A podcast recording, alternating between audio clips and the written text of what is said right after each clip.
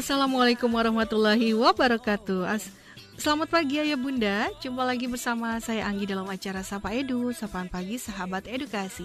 Nah untuk menemani pagi Ayah Bunda, tentunya Ayah Bunda semua bisa dengarkan kami melalui suaraedukasi.kemdikbud.go.id atau melalui aplikasi televisi edukasi. Dan Ayah Bunda juga bisa loh download podcast program acara Suara Edukasi melalui aplikasi Spotify. Baik Ayah Bunda, tetap bersama kami ya, karena setelah berikut ini kami akan segera kembali. Dari Jalan RE Marta Dinata Ciputat, Radio Suara Edukasi Akrab dan Mencerdaskan. Bagaimana kabar ayah bunda pagi ini? Mudah-mudahan ayah bunda dan keluarga selalu dalam keadaan sehat walafiat ya ayah bunda. Dan pastinya nggak lupa juga nih ayah bunda dan keluarga terus terapkan protokol kesehatan setiap harinya dengan memakai masker, menjaga jarak, mencuci tangan, menghindari kerumunan dan juga membatasi mobilitas. Patuhi 5M ini jika kita sayang diri sendiri dan juga keluarga ya ayah bunda. Nah sambil mengisi waktu ayah bunda di pagi ini, yuk sama-sama dengarkan Sapa Edu dengan tema mengajarkan anak untuk mengelola amarah sejak dini. Wah ini sangat penting sekali ya ya bunda karena mengelola amarah itu nggak mudah. Jadi tentunya kita sebagai orang tua harus terus mendampingi anak-anak kita supaya sejak dini anak-anak kita bisa mengelola amarah atau emosinya. Baik ayah bunda, jangan ke mana-mana karena selain berikut ini Sapa Edu akan segera kembali. Kembali bersama Sapa Edu ya bunda, pastinya hanya di suara edukasi akrab dan mencerdaskan. Ayah bunda, Perkembangan emosi anak merupakan salah satu aspek yang turut berkembang sejak kecil, termasuk di usia 6 sampai dengan 9 tahun. Nah, keterampilan mengelola emosi tentu saja membantu anak untuk belajar memahami dunia sekitarnya. Ayah bunda tetap perlu memberikan dukungan untuk mengoptimalkan perkembangan emosi si kecil ya.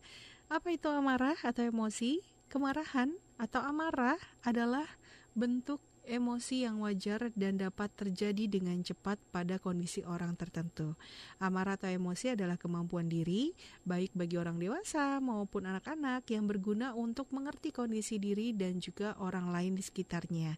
Tanpa adanya emosi, seseorang mungkin akan mengalami kesulitan dalam memahami apa yang sedang terjadi pada dirinya maupun orang lain. Jadi, mengelola amarah adalah tentang bagaimana seseorang belajar menghadapi emosi dengan cara mengenali pola berpikir yang tepat saat kehilangan kendali, yaitu pada saat kita lagi marah, lagi kesel, begitu ya Bunda ya. Itulah mengapa memahami setiap tahapan perkembangan emosi anak merupakan salah satu hal yang penting yang perlu diperhatikan oleh orang tua. Nah, setelah yang berikut ini, sama-sama ya ayah bunda kita bahas terkait tentang mengajarkan anak untuk dapat mengelola amarahnya sejak dini. Jadi tetap bersama kami.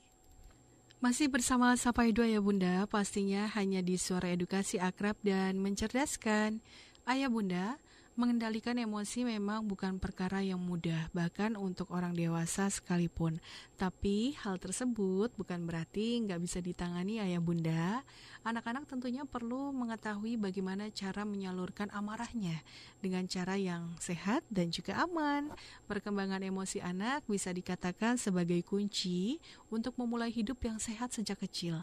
Kemampuan mengelola emosi yang dimiliki anak tidak terbentuk dengan sendirinya ya ayah bunda. Jadi peran orang tua dan orang-orang terdekat lainnya tentunya turut diperlukan untuk mendukung terciptanya kemampuan anak dalam merasakan emosi diri dan juga orang lain.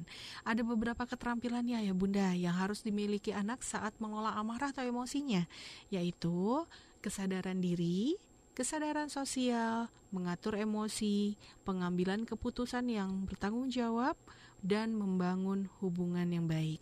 Jadi berbagai keterampilan dasar dalam perkembangan emosi ini nantinya berpengaruh pada kondisi anak di sekolah, rumah maupun masyarakat luas atau lingkungannya.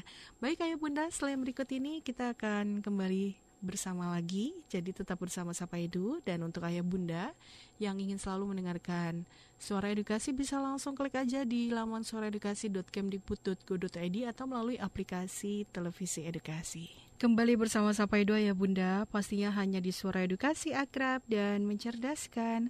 Ayah bunda, di masa awal kelahiran si kecil, bunda mungkin tidak banyak melihat gejolak emosinya gitu ya. Meskipun sebenarnya mereka sudah bisa mengkomunikasikannya melalui tangisan misalnya atau sekedar senyuman si kecil. Jadi cara mengendalikan emosi bayi uh, ini tentunya lebih banyak diatasi oleh bunda dengan berbagai cara. Misalnya dengan menggendongnya, kemudian uh, misalnya menimang-nimang gitu ya, memberikan susu dan berbagai cara menenangkan bayi lainnya pastinya bunda lakukan. Namun ketika anak menginjak usia 2 tahun, kesadaran terhadap emosi sudah mulai meningkat.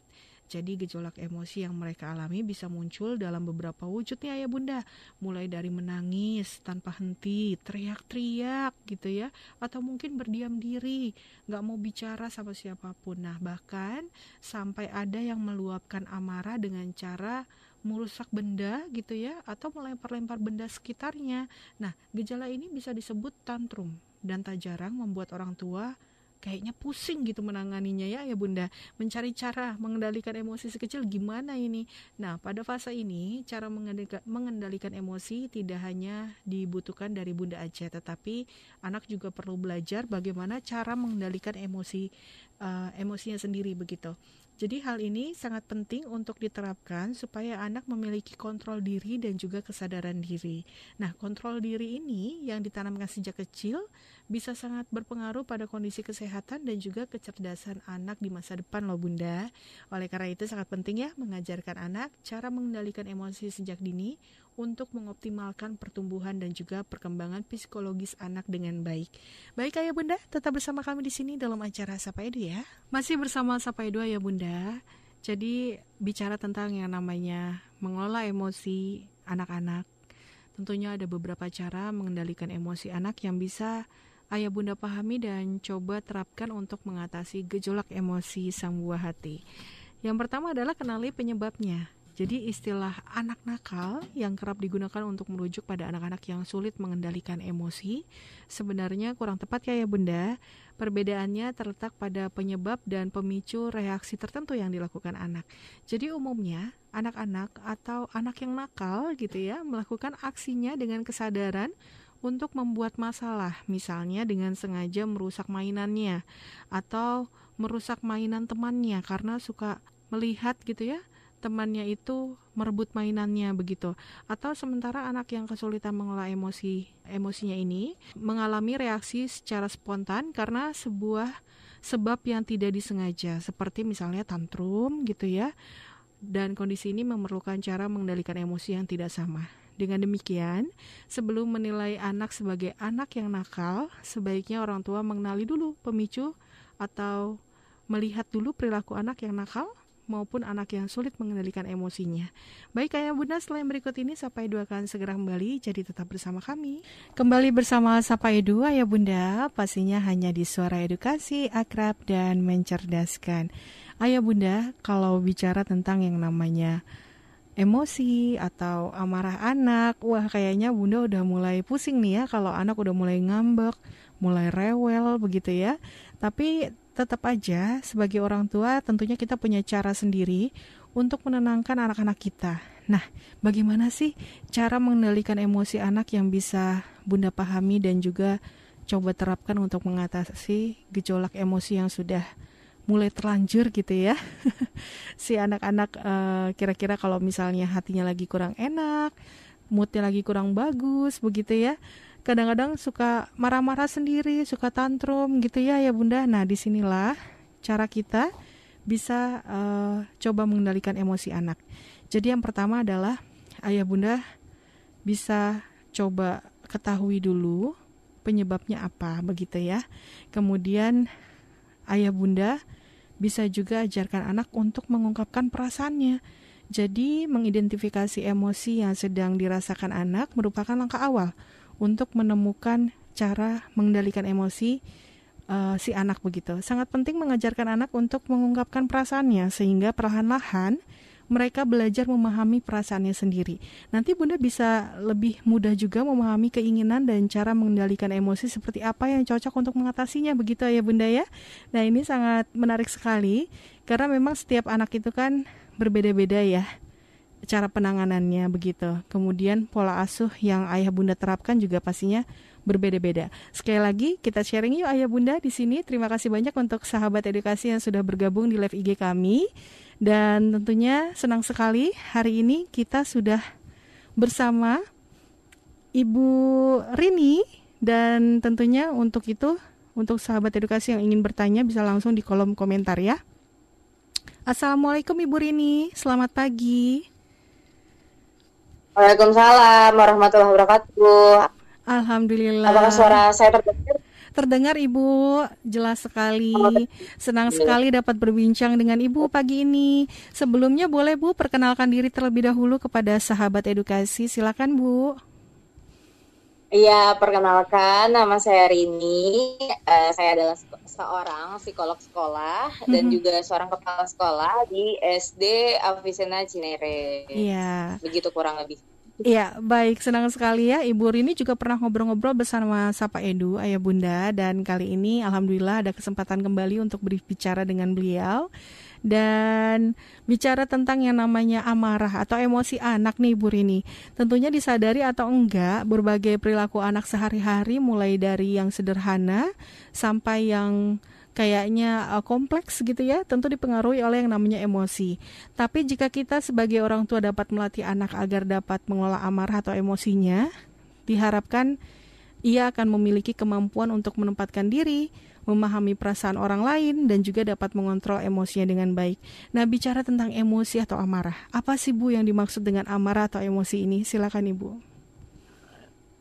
Iya, uh, Mbak Anggi, uh, kita perlu luruskan ya bahwasanya emosi itu sebenarnya netral. Jadi ya. emosi itu tidak refer ke satu bentuk aja yaitu marah. Uh, emosi sendiri itu secara umum uh, adalah respon tubuh kita terhadap sesuatu yang terjadi Betul. di luar tubuh kita. Responnya ya. bisa berbentuk fisiologis, mm-hmm. bisa berbentuk perasaan, mm-hmm. bisa juga berbentuk uh, apa namanya ekspresi wajah dan tingkah laku ya. gitu. Jadi sebenarnya tuh ada emosi adalah hal yang kompleks. Mm -hmm. Nah, si emosi ini sendiri uh, bentuknya bervariasi sekali. Ada yang uh, positif, ada yang negatif. Biasanya yeah. kita membaginya dalam dua aspek itu. Mm-hmm. Yang positif bisa berupa emosi senang, emosi uh, apa namanya uh, bahagia, bersyukur, excited gitu, mm-hmm. ataupun uh, seperti interesting gitu ya. Misalnya uh, dia kayak rasa ingin tahu gitu kan kelihatan ya dari mukanya. Itu mm-hmm. juga termasuk emosi yang uh, positif.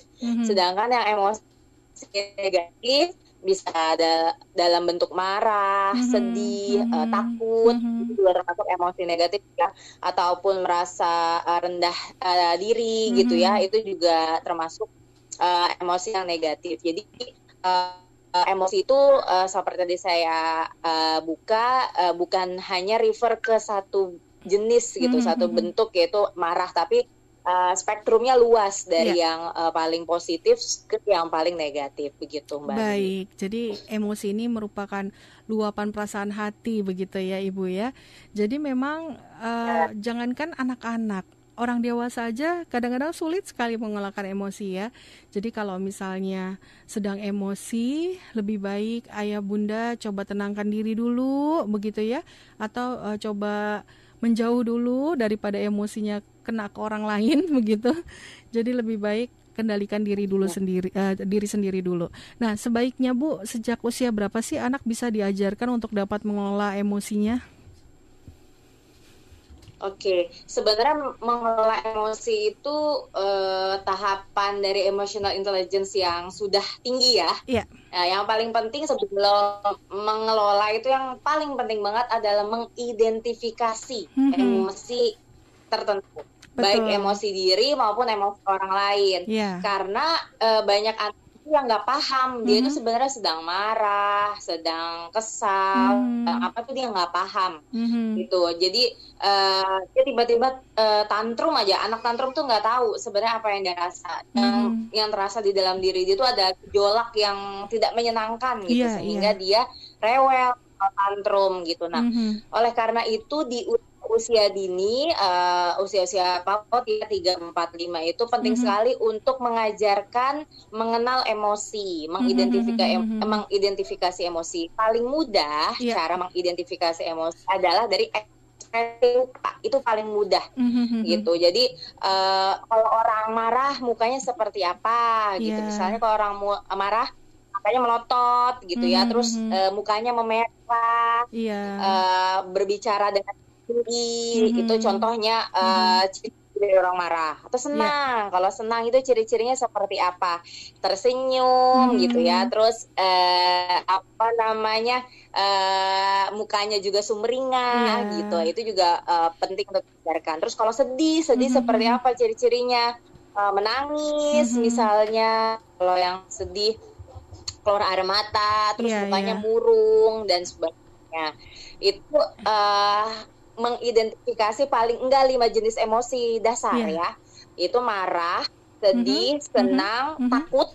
Nah, takut juga penting karena takut manfaat untuk eh, kita mengantisipasi hal-hal yang terjadi di masa depan dan kita eh, apa ya kita eh, berbahaya untuk Iya. kita. Nah, itu Mhm. rasa takut.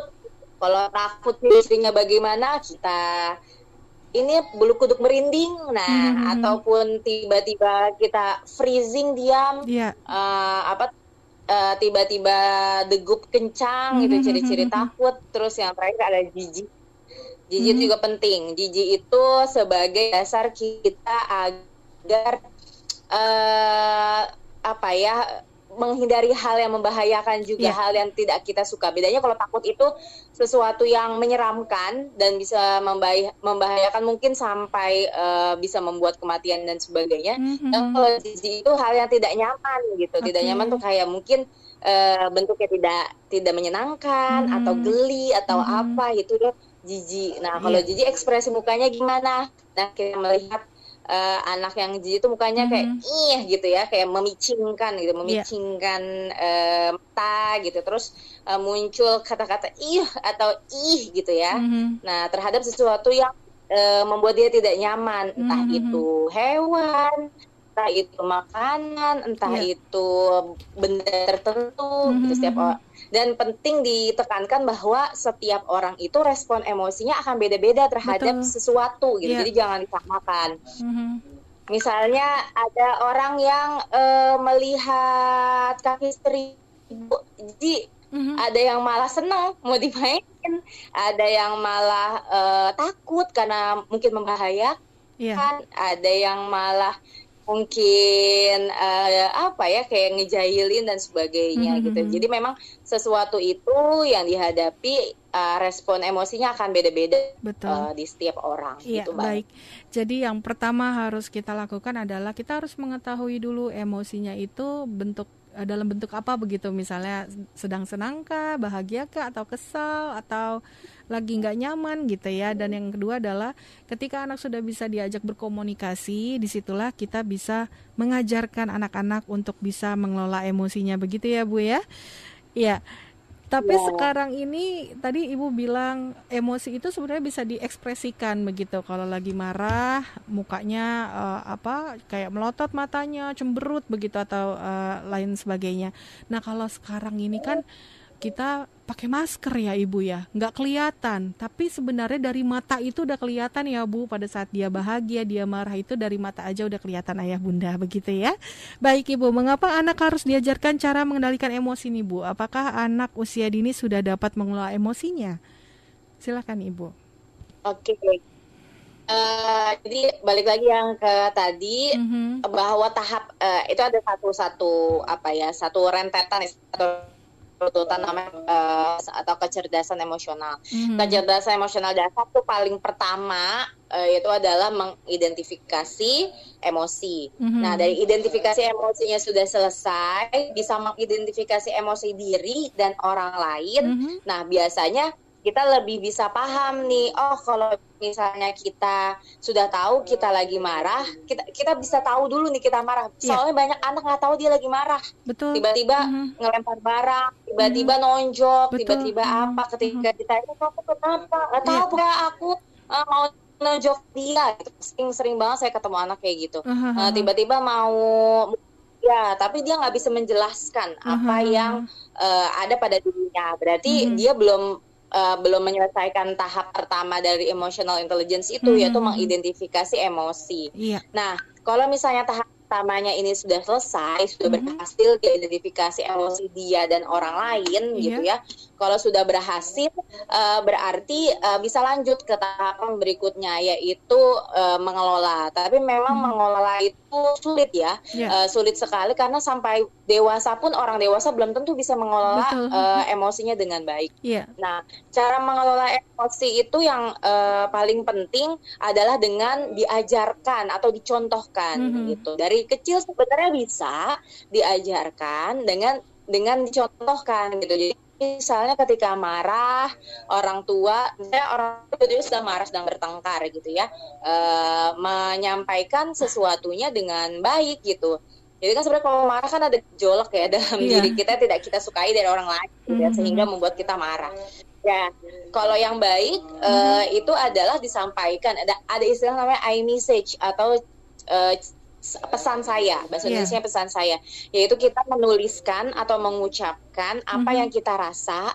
apa yang kita harapkan dari mm -hmm. emosi tersebut lalu apa yang kita harapkan pada orang lain yang kita berikan uh, kita sampaikan yeah. emosi tersebut misalnya saya bertengkar dengan suami saya. Mm-hmm. Saya tulis nih, kalau saya memang susah, me, kalau jujur dari saya pribadi, saya susah mengungkapkan sesuatu secara lisan uh-huh. kalau sedang uh, marah. Jadi uh-huh. saya uh, chat gitu ya chat uh -huh. di WA saya bilang uh, bapak lala lala ibu merasa uh, tidak enak atau tidak nyaman kalau bapak sedang uh -huh. lala lala misalnya sedang uh, menaruh baju sembarangan uh -huh. gitu Ibu berharap Bapak bisa menaruh baju di tempat baju yang seharusnya. Kalau itu baju kotor, berarti ditumpukan baju kotor.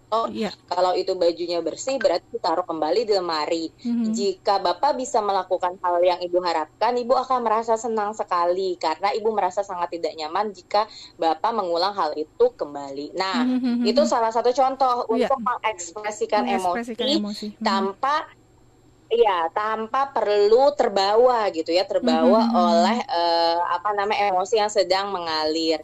Mengapa? Karena cenderung kalau kita terlalu uh, fokus terhadap emosi mm -hmm. gitu ya, mm-hmm. maksudnya terhadap fokus uh, emosi yang sedang ada pada saat ini, yeah. Iya. uh, kita tuh cenderung impulsif ya, impulsif mm -hmm. dan uh, dan apa ya, tidak bisa berpikir jernih. Yeah. Tidak hanya pada emosi marah, tapi mm -hmm. pada emosi senang atau excited pun bisa seperti itu. Mm-hmm. Misalnya terlalu senang masuk ke mall baru gajian gitu mm-hmm. ya kan. Oh excited punya duit gitu ya, yeah. punya duit banyak habis dapat gajian. Nah, terus tiba-tiba di mall ada banyak uh, diskon segala macam lala itu kan emosinya baik ya senang iya. positif yeah. tapi dia tidak bisa mengendalikan gitu ya yang ada dia belanja uh, banyak sekali ketika sampai rumah heran kok saya uh, belanjanya banyak banget ya jenis buat emosinya ya, jadi berbeda ya bu? perasaan uh, baju ini masih ada deh belum rusak kenapa beli lagi? Nah akhirnya banyak hal yang uh, tidak sesuai dengan yang diharapkan yeah. terjadi gitu. Betul. jadi uh, memang uh, perlu kita untuk mengendalikan emosi tadi bisa dengan cara I message. Mm-hmm. Yang kedua berlatih pernafasan. Yeah. Gitu. Jadi orang tua bisa mencontohkan nih, mm-hmm. mencontohkan untuk uh, berlatih uh, perna- pernafasan mm-hmm. agar tenang. Kenapa? Kalau kita tenang itu uh, kita berpikir jernih yeah. sehingga tidak tertutup uh, emosinya, mm-hmm. tidak terfokus dengan mm-hmm. emosi sehingga kita bisa mengambil keputusan dengan logis. Karena Betul. kalau sedang emosional banget gitu ya, entah itu emosi sedih, marah mm-hmm. ataupun senang kayak tadi contohnya belanja, yeah. uh, itu sulit untuk berpikir. Uh-huh. Cara melatih uh, pernafasannya itu uh-huh. ada istilahnya uh, apa? 735. Jadi mm-hmm. kita tarik nafas selama yeah. tujuh hitungan. Oke. Eh, okay. Uh, ditarik bisa bisa kita praktekkan bersama-sama mm-hmm. ya. Mm-hmm, tarik mm-hmm. nafas tujuh hitungan. Tarik nafas ayah bunda. Satu, mm-hmm. dua, tiga, empat, lima, enam, tujuh. Lalu Baik. tahan tiga hitungan. Okay, Satu, ditahan. dua, tiga dan dan dihembuskan sampai hitungan kali ya? satu dua tiga empat lima mm-hmm. dan itu diulang terus menerus tujuh tiga limanya mm-hmm. agar uh, tenang sampai tenang gitu jadi misalnya yeah. ketika lagi bergejolak panik attack atau marah mm-hmm. uh, ayah bunda bisa memegang tangan anaknya bisa mm-hmm. memeluk mm-hmm. anaknya betul, lalu betul. Uh, bernafas uh, panjang bersama-sama ayo nak kita yeah. nafas panjang dulu ya dihitung dipandu uh, tarik nafas hmm. satu dua tiga empat lima enam tujuh. Tahan tiga hitungan satu dua tiga. Lalu hembuskan satu dua tiga empat lima.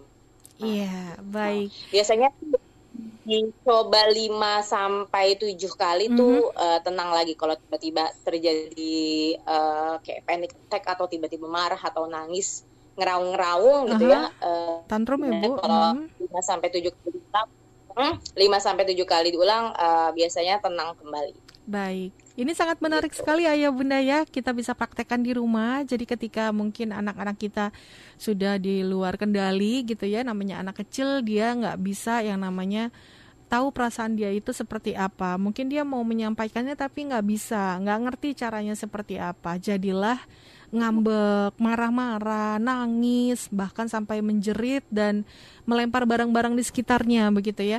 Mungkin yang bisa kita lakukan adalah menenangkan anak-anak kita, bisa dari pelukan ayah bunda, bisa dari genggaman tangan yang seperti Ibu Rini bilang begitu ya. Insya Allah ini bisa menenangkan anak-anak kita. Kemudian kita lakukan cara yang sudah Ibu Rini kasih tahu tadi yaitu 735 ya ya Bunda ya. Jadi kita bisa coba di rumah, kita praktekkan di rumah sama-sama. Mungkin sebelum kita praktekkan kepada anak-anak kita, kita bisa praktekkan kepada diri kita sendiri Ayah Bunda. Siapa tahu nanti dengan begitu kalau misalnya sudah dipraktekkan kepada diri kita sendiri, kita bisa langsung uh, kasih tahu ke anak-anak kita, kita ajarkan anak-anak kita untuk mengelola emosinya begitu ya. Baik Ibu, Selain dari lingkungan sekitar nih, faktor apa yang bisa dapat mempengaruhi emosi pada anak? Silakan Ibu. Uh, banyak ya, karena pada dasarnya emosi itu adalah proses gabungan biopsikologi mm -hmm. dan itu sangat terkait dengan uh, apa ya metabolisme tubuh. Jadi hmm. yang terpenting memang satu aliran darah itu penting banget yeah. uh, dan biasanya kalau aliran darah ya struktur aliran darah dan sebagainya itu hmm. uh, turunan sih ya ada yang aliran darahnya hmm. cepat ada yang agak uh, apa lambat dan sebagainya uh, dan itu kalau kalau ada istilahnya sih temperamen ya temperamen yeah. itu berhubungan uh, berhubungan sekali dengan uh, struktur fisiologis kita. Mm-hmm. Jadi kalau orang yang cenderung uh, marah, mudah marah, biasanya memang aliran darahnya itu cenderung cepat gitu. Jadi okay. ketika dipicu sedikit itu mm-hmm. langsung uh, deras tuh tiba-tiba denyut uh, nadi itu cepat banget gitu ya dan uh, sul dan perlu sekali itu untuk latihan nafas sering gitu ya mm-hmm. agar tidak sering kelepasan gitu karena biasanya yeah. kalau kelepasan sampai destruktif uh-huh. atau uh, merusak gitu ya. Yeah. Terus yang kedua juga uh, emosi dipengaruhi oleh uh, pengalaman pengalaman okay. kita. Uh-huh. Jadi misalnya kepada anak yang trauma punya uh-huh. pengalaman trauma. Uh, jika di suatu masa ya di uh, masa depannya itu misalnya traumanya terjadi ketika SD gitu ya, yeah. SMP dia kan kejadian yang mirip kondisinya seperti dia waktu SD yang traumatis itu mm-hmm. uh, akan terpancing lagi atau atau muncul lagi mhm, emosinya mm-hmm. gitu jadi uh, sampai uh, apa ya sulit hilang gitu ya emosi tersebut mm-hmm. jadi misalnya dulu pernah jadi korban KDRT di rumah gitu terus punya uh, apa sosok uh, lelaki bapaknya itu so, terlihat sebagai sosok lelaki yang menyeramkan. Yeah. Ketika SMP bertemu bapak guru yang terlihat seperti ayahnya yang menyeramkan, bisa jadi itu muncul lagi tuh kayak panik, takut kan orang trauma itu kompleks banget ya, uh, emosi negatifnya panik, takut, cemas gitu tuh jangan-jangan marah dan sebagainya sedih pasti sedih mm -hmm. terhadap uh, apa namanya si objek uh, yang dia lihat satu tadi uh, proses biologis, yang kedua proses uh, apa namanya uh, pengalaman, ya pengalaman, terus pengalaman pengetahuan mm-hmm. gitu ya. Kalau misalnya dia tahu nih uh, bahwasanya uh, hewan atau hewan atau apa ya biasanya gampang anak-anak tuh hewan ya dia yeah. kecoa deh kecoa tahu bahwa saya itu hewan yang cocok kalau ada kecoa itu ini berdasarkan pengetahuan ya mm-hmm. berdasarkan pengetahuan uh, kecoa itu membawa penyakit atau lalat itu membawa penyakit jadi yeah. ketika ketemu kecoa atau lalat dia jijik karena si hewan itu membawa penyakit gitu jadi mm-hmm. uh, pengetahuan pengalaman proses fisiologis mm-hmm. uh, dan juga lingkungan sekitar yang mencontohkan itu sangat mempengaruhi mm-hmm. mempengaruhi bagaimana emosi kita uh, terekspresikan gitu mbak Andi kurang lebih gampangnya kayak gitu. Kalau misalnya di rumahnya semua pecinta kucing, ketemu hmm. kucing langsung, ih lucu banget kucingnya. Nah yeah. itu kan memang dicontohkan ya oleh hmm, hmm, keluarga hmm, bahwa kalau ketemu kucing uh, responnya harus senang, lucu, gemes, uh, terus menolong dan sebagainya. Ketika si anak tersebut ketemu kucing, dia akan melakukan hal yang sama. Ih lucu, gemes gitu. Jadi memang uh, emosi itu paling gampang uh, paling gampang dipelajarinya ya dengan dicontohkan oleh orang sekitar. Balik lagi ya peran orang tua di untuk menjadi suri tauladan yang baik untuk anaknya, termasuk dalam hal mencontohkan ekspresi atau pengendalian emosi. Iya, baik. Iya baik Ibu Rini, kita jeda sejenak ya. Terima kasih banyak untuk sahabat edukasi yang sudah bergabung. Dan untuk sahabat edukasi yang mau bertanya kepada Ibu Rini, silakan bisa langsung di kolom komentar kami. Dan sekali lagi di sini kita sama-sama belajar ya Ayah Bunda. Kita sharing di sini dan tentunya kita uh, belajar sama-sama untuk menjadi orang tua yang lebih baik lagi. Terima kasih yang sudah bergabung. Ada Palupi Mutiasi, ada Black Hat, kemudian ada Narul, kelas Kominfo Riau, ada Mai Mai Coryani, ada Ade Viva Viva Jria, ada Ade Putra, ada Ayu Purnama, ada Ahmad Jaki 6, Cici Satri, Cici Sastrani. Oke, okay? mohon maaf kalau ada salah penyebutan nama ya. Kemudian ada Ria Sinaga 06, ada Eis Jasmine, ada Ria Sinaga 06. Oke, okay? ada Widawati, oke Teteh, selamat pagi. Ini produser Sapa Edu ya. ada Karsiati Asi, ada Haston Nugroho, oke ada Tegar Rantau, Reni Nuraini 8, Lestari Ayu Ningtyas, Faiz 92, Nadila, Dia Rahma, dan Asi Binti dan masih banyak lagi ya. Ya Bunda terima kasih yang sudah bergabung. Silakan yang ingin bertanya kepada Ibu Rini bisa langsung di uh, kolom komentar kami. Setelah yang berikut ini Sapa Edu akan segera kembali. Kembali bersama Sapa Edu Ayah Bunda. Pastinya hanya di suara edukasi akrab dan mencerdaskan. Ayah Bunda kalau bicara tentang emosi gejolak emosi yang terjadi pada anak ini merupakan hal yang wajar. Semakin bertambahnya usia semakin banyak dan jelas berbagai emosi yang akan mereka sadari seperti misalnya marah, sedih, senang, takut dan sebagainya. Selain berasal dari dalam diri anak sendiri, tentunya aneka ragam emosi yang mereka rasakan juga bisa dipengaruhi oleh lingkungan ayah bunda. Jadi bagaimana nih Ibu Rini cara orang tua agar dapat meningkatkan kecerdasan emosional pada anak? Silakan Ibu. Iya. Halo Ibu Rini. Paham mhm. perkembangan itu kan Ah, halo, ya Mbak Anggi? Ya, silakan Bu.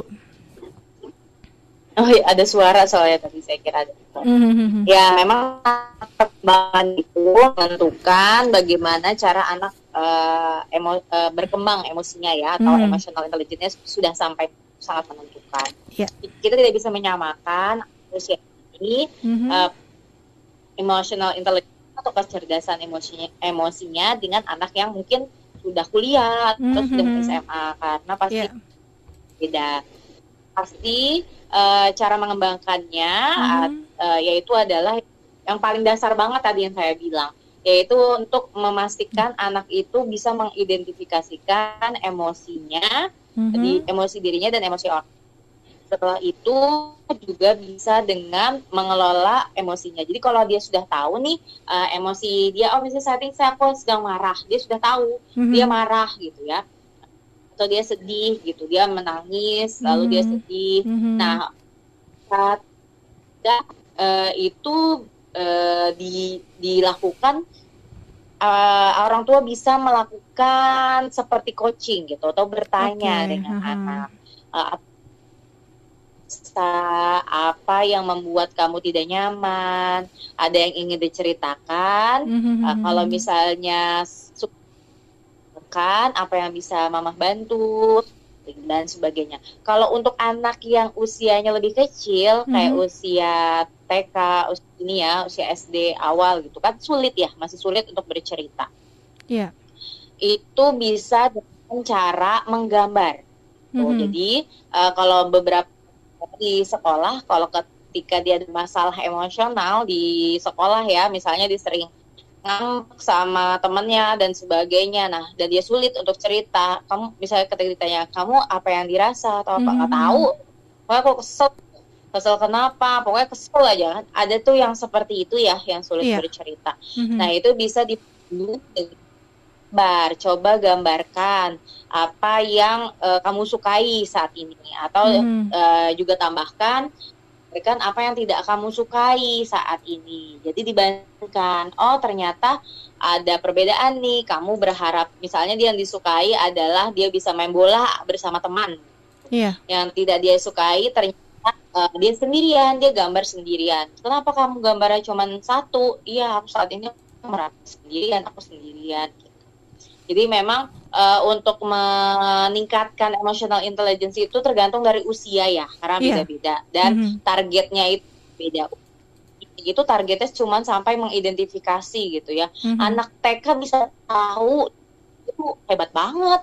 Bisa tahu dia lagi sedih itu hebat banget. Bisa bilang aku lagi sedih itu itu hal yang prestatif banget gitu ya. Mm -hmm. Berbeda dengan yang besar SMA atau kuliah kalau sampai SMA kuliah belum identifikasi emosinya sendiri tuh tanda tanya sekali ya ketika yeah. dia nggak tahu dia sedang marah dia sedang sedang apa namanya impulsif dan sebagainya karena kesadaran diri itu penting untuk mm -hmm. mengelola tingkah laku kita gitu jadi memang uh, kalau untuk di usia dini uh, targetnya itu adalah mengenali mengidentifikasi emosi diri dan orang lain mm -hmm. tapi kalau uh, mengelola yang baik banget gitu ya itu biasanya hmm. untuk usia atau jenjang yang lebih besar. Baik. Cara yang bisa dilakukan tingkatkannya satu hmm. orang tua banyak uh, dengan anak juga bisa melakukan aktivitas bersama tadi seperti menggambar yeah. lalu juga bisa olahraga bersama karena olahraga karena tadi uh, salah satu aspek emosi adalah uh, fisiologis tubuh yeah. ya dalam hal ini aliran darah, uh, denyut nadi dan sebagainya dan itu sangat baik dilatih dengan olahraga, mm-hmm. berenang itu berenang oh, bagus. Oke, okay. berenang ya. Kalian emosi karena ketika berenang tuh orang calming, calming. Okay. Terus seperti emosinya uh, tubuh itu mengingat kembali seperti seperti di dalam janin ibu. Kan kita berenang di dalam mm -hmm. uh, perut ibu. Jadi ketika okay. itu tubuh seperti diri seperti dalam perut ibu iya. sehingga yeah. seperti menenangkan kan berarti mm -hmm. di dalam perut ibunya tenang mm -hmm. ya. Jadi olahraga dalam hal ini berenang itu sangat baik untuk uh, melatih emosi juga ya. Yeah. Untuk pernafasan juga baik sekali. Baik. Dan juga uh, orang tua mencontohkan mm -hmm. yeah. tadi seperti yang dengan uh, mengelola emosi yang itu ketika disampaikan dengan baik, tidak mhm, destruktif, mm -hmm. tidak marah, okay. pukul, ya. dan sebagainya. Baik, ini menarik ya ya Bunda. Jadi ternyata kita bisa melatih atau mengelola emosi kita dengan berenang gitu ya. Namun apakah musik juga dapat membantu anak untuk dapat mengelola emosinya, Bu? Ya, Uh, banyak penelitian juga yang bilang bahwa beberapa jenis musik itu mm -hmm. bisa um, membantu untuk mengelola emosi, mm -hmm. uh, seperti hal uh, musik yang ritmisnya, it, ritmenya itu lebih menenangkan, uh, it, atau seperti instrumen-instrumen gitu. Mm -hmm. uh, ada istilah kalau aduh aku lupa tuh namanya mus jenis bukan jenis musik ya jenis bunyi apa ya mm-hmm. uh, itu membuat tenang kayak contohnya pada bayi yeah. kalau misalnya didengarkan musik ritme itu yang menenangkan seperti mm-hmm. suara orkestra uh, atau suara bukan orkestra sih suara uh, musik klasik instrumental ya uh-huh. instrumental oke okay. uh, uh, hujan okay. uh, terus uh, gemericik suara atau kalau misalnya hmm. di dalam uh, hmm. apa namanya alunan ayat Al-Qur'an dan sebagainya yang nadanya membuat kita lebih calming yeah. ya, lebih tenang Baik. sehingga uh, ternyata... uh, kita lebih, uh, bisa mengendalikan emosi. Begitu juga untuk hmm. musik-musik yeah. itu sangat mempengaruhi uh, kita saat itu. Kalau kita mendengarkan musik rock yang hmm. isinya adalah kematian juga bisa gitu ya. Baik. Atau mendengar uh, apa namanya musik yang uh, like, sangat cheerful gitu uh -huh. ya uh, nada-nadanya dan juga liriknya juga sangat cheerful ya kita juga akan uh, jadi senang yeah. gitu. Jadi memang uh, musik itu sangat mempengaruhi ya emosi kita, mood kita yeah. saat itu. Iya, baik. Jadi jangankan anak-anak ya Bu, orang dewasa aja kalau lagi bete, kalau lagi sedih nyarinya musik gitu ya. baik. Terakhir Ibu, pesan dan harapan terkait dengan tema kita pada hari ini Ibu. Silakan. Oh, Mbak Anggi punten enggak? Enggak perlu hmm. jelas tadi. Iya. Pesan dan harapan jelas. Ibu, pesan dan harapan terkait dengan tema kita pada hari ini.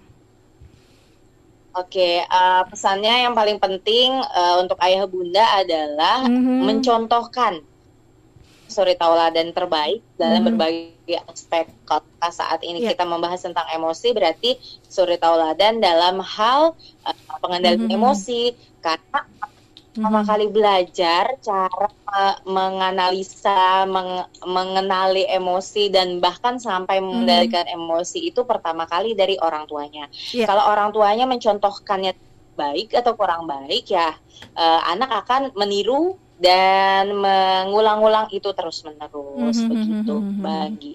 Baik, terima kasih Bu Rini atas waktunya. Ini sangat menarik sekali dan kalau misalnya mau di uh, bahas mau dikulik lebih dalam lagi tentunya waktu uh, dua jam itu nggak cukup ya ibu Rini. Apalagi kalau udah ngomongin masalah anak ya ayah bunda ya.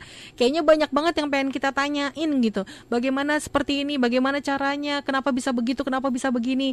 Ya begitulah ya namanya orang tua. Pasti di sini kita perlu banyak belajar untuk menjadi uh, orang tua yang lebih baik lagi. Makanya kita di sini selalu sharing ya ayah bunda ya. Jadi untuk ayah bunda yang mau bertanya dengan ibu Rini monggo silakan. Masih ada waktu ya.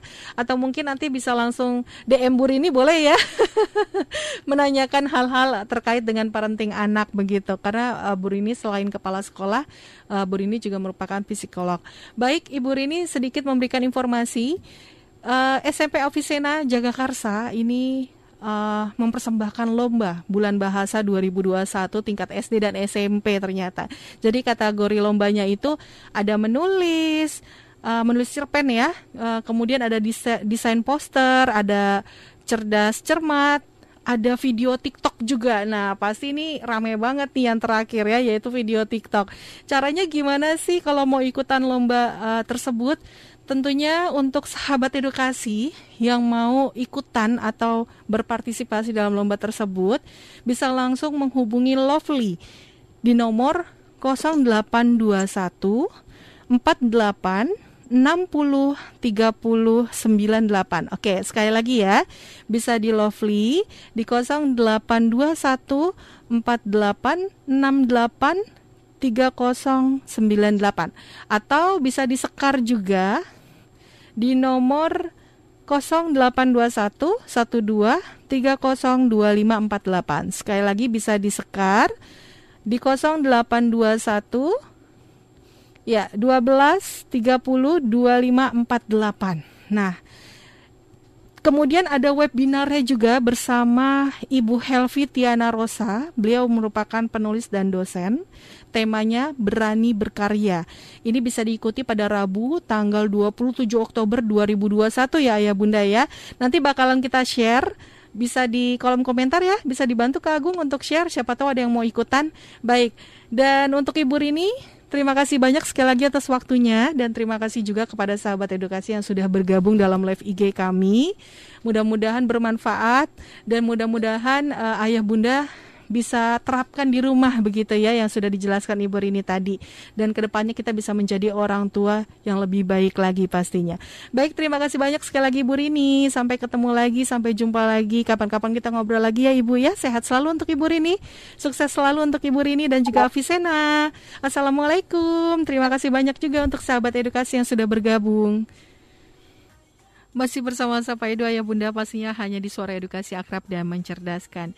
Cara mengendalikan emosi anak yang bisa Ayah Bunda pahami dan coba terapkan untuk mengatasi gejolak emosi sang buah hati selanjutnya adalah Ayah Bunda tunjukkan teladan yang baik. Terlalu sering mendikte anak dalam bersikap sebaiknya Bunda hindari ya saat mengajari cara mengendalikan emosinya. Anak adalah peniru yang sangat ulung Ayah Bunda. Jadi mereka ini mengimitasi banyak perilaku dari apa yang ia lihat di sekelilingnya begitu. Dan yang terpenting adalah kita harus tetapkan batasan dan juga konsisten. Jadi dalam mengajari anak cara mengendalikan emosi, ayah bunda perlu menetapkan batasan-batasan. Apa yang masih bisa ditoleransi dari sikapnya maupun yang tidak bisa dilanggar gitu ya atau nggak boleh dilanggar begitu. Pastinya setiap keluarga kan punya aturan atau punya cara sendiri-sendiri ya ayah bunda ya. Dan hal ini sangat penting dilakukan untuk mengajarkan anak bahwa ada batasan yang tidak boleh mereka lewati, termasuk menunjukkan bahwa tidak semua keinginan mereka bisa dituruti. Namun ayah bunda harus selalu ingat untuk tidak memaksakan kehendak pada anak, sehingga perlu pertimbangan yang matang saat membuat aturan atau batasan yang sesuai untuk usianya. Ayah Bunda, sampai di sini dulu ya perjumpaan kita dalam acara Sapa Edu dan semoga apa yang sama-sama kita bahas hari ini dapat bermanfaat untuk kita semua. Akhir kata saya ucapkan terima kasih atas perhatiannya. Mohon maaf jika ada salah-salah kata Ayah Bunda. Wassalamualaikum warahmatullahi wabarakatuh.